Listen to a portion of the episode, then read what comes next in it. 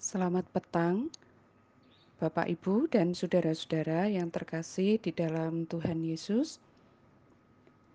Mari kita bersama-sama bersyukur untuk penyertaan Tuhan sepanjang hari ini, telah menyertai kita di dalam kita melakukan setiap aktivitas kita. Mari kita berdoa.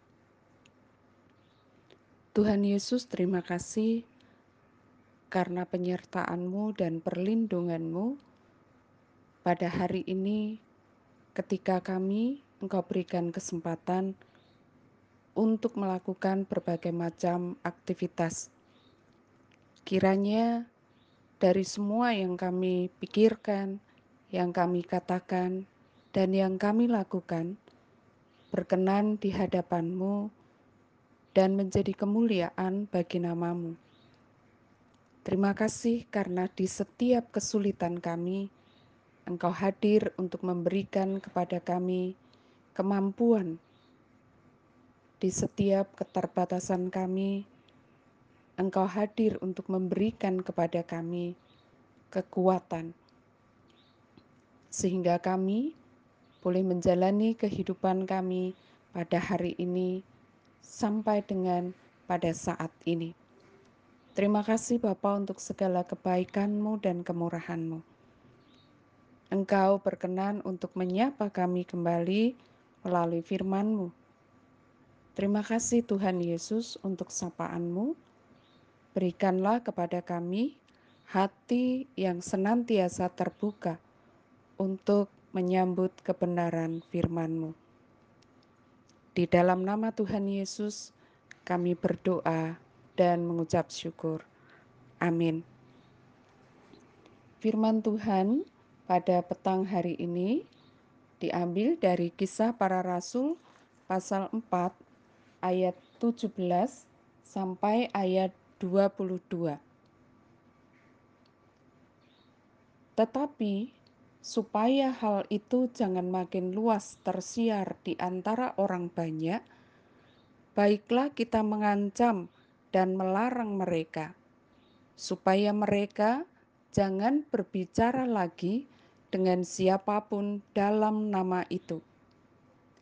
Dan setelah keduanya disuruh masuk, mereka diperintahkan supaya sama sekali jangan berbicara atau mengajar lagi dalam nama Yesus. Tetapi Petrus dan Yohanes menjawab mereka, "Silahkan kamu putuskan sendiri, manakah yang benar di hadapan Allah: taat kepada kamu atau taat kepada Allah? Sebab tidak mungkin bagi kami untuk tidak berkata-kata tentang apa yang telah kami lihat dan yang telah kami dengar.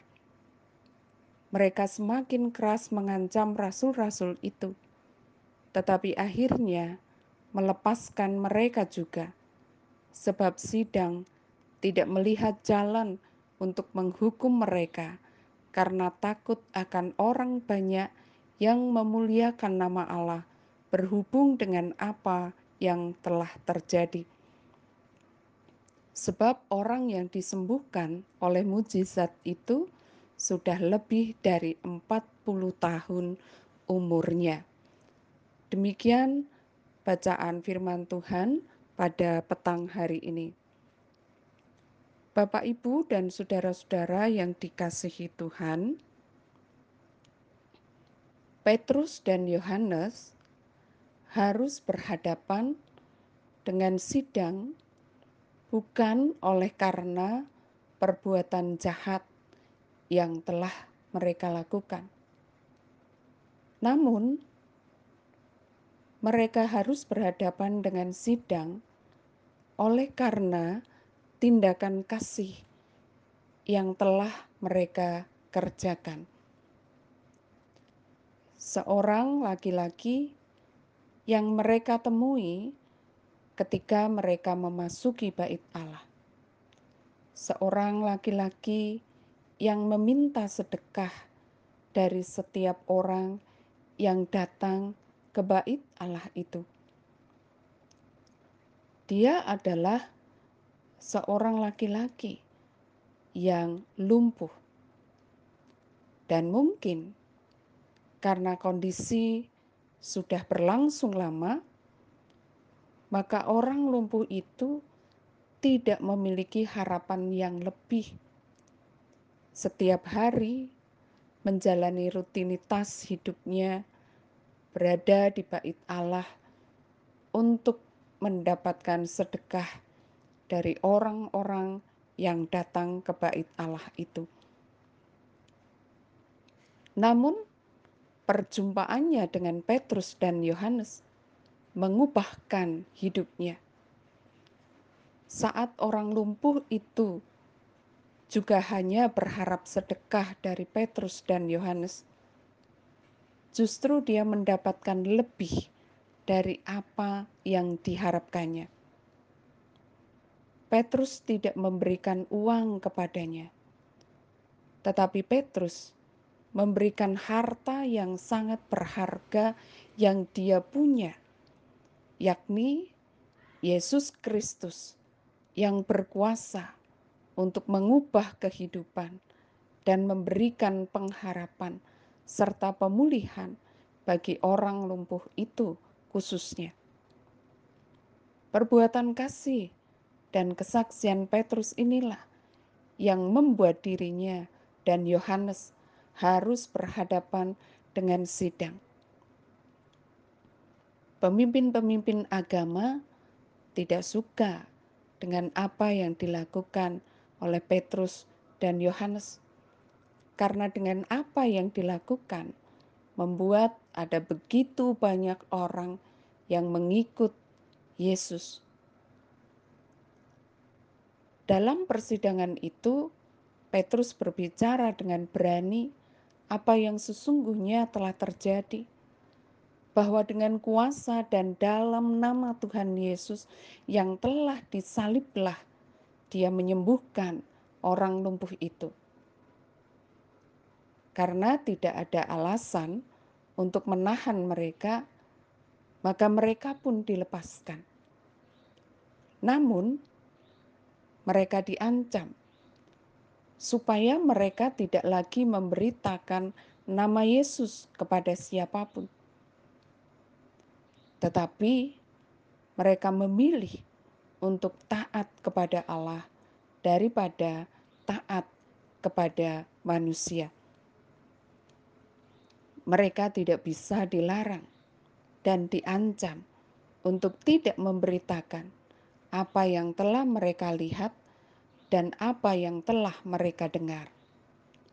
Karena hanya dalam nama Yesus ada keselamatan, maka mereka dengan keberanian dan ketaatan tetap bersaksi, memberitakan sekalipun ditekan dan diancam.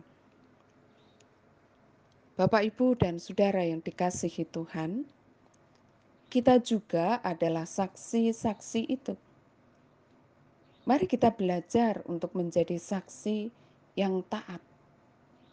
Kita beritakan apa yang kita saksikan dan apa yang kita dengar, serta apa yang kita alami tentang Yesus Kristus dari kehidupan kita setiap waktu bersama dengan Dia. Pilihlah untuk taat kepada Allah, untuk memberitakan bahwa dalam namanya dan hanya di dalam namanya ada keselamatan. Kiranya Tuhan Yesus memberikan kepada kita hati yang taat dan dia memperlengkapi kita untuk menjadi kesaksian bagi orang-orang yang ada di sekeliling kita. Tuhan Yesus memberkati. Mari kita berdoa. Tuhan Yesus terima kasih karena kami menjadi milikmu dan kami memilikimu. Terima kasih karena engkau mengubahkan hidup kami. Engkau memberikan pengharapan kepada kami. Terima kasih engkau memulihkan kami. Terima kasih karena engkau senantiasa memberikan kepada kami segala yang bahkan tak pernah kami pikirkan. Biarlah apa yang kami alami, apa yang kami saksikan, apa yang kami dengar tentang Engkau, kami beritakan. Karena hanya di dalam mula ada keselamatan. Engkaulah penolong kami dan penyelamat hidup kami. Bapak, terima kasih untuk penyertaan-Mu sepanjang hari ini. Kami mau bersyukur kepadamu. Dan biarlah pengalaman hidup kami hari ini bersama Tuhan akan kami wartakan. Sehingga mereka yang belum mengenalmu akan mengenalmu. Yang belum mendengar tentang namamu akan mendengar tentang engkau. Terima kasih Bapak kami serahkan kehidupan kami di dalam nama Tuhan Yesus Kristus, Juru Selamat kami yang hidup. Amin.